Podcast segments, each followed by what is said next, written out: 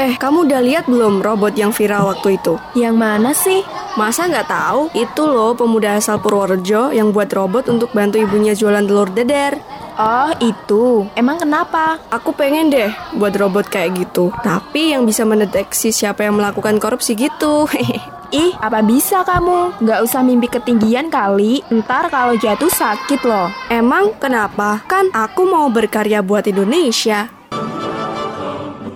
Sebagai generasi muda, kita harus menyalurkan karya kita agar Indonesia ini bisa berkembang. Karena generasi muda adalah harapan bangsa agar kualitas hidup masyarakat semakin jaya. Ingat, keren itu nggak harus bergaya, yang penting berkarya.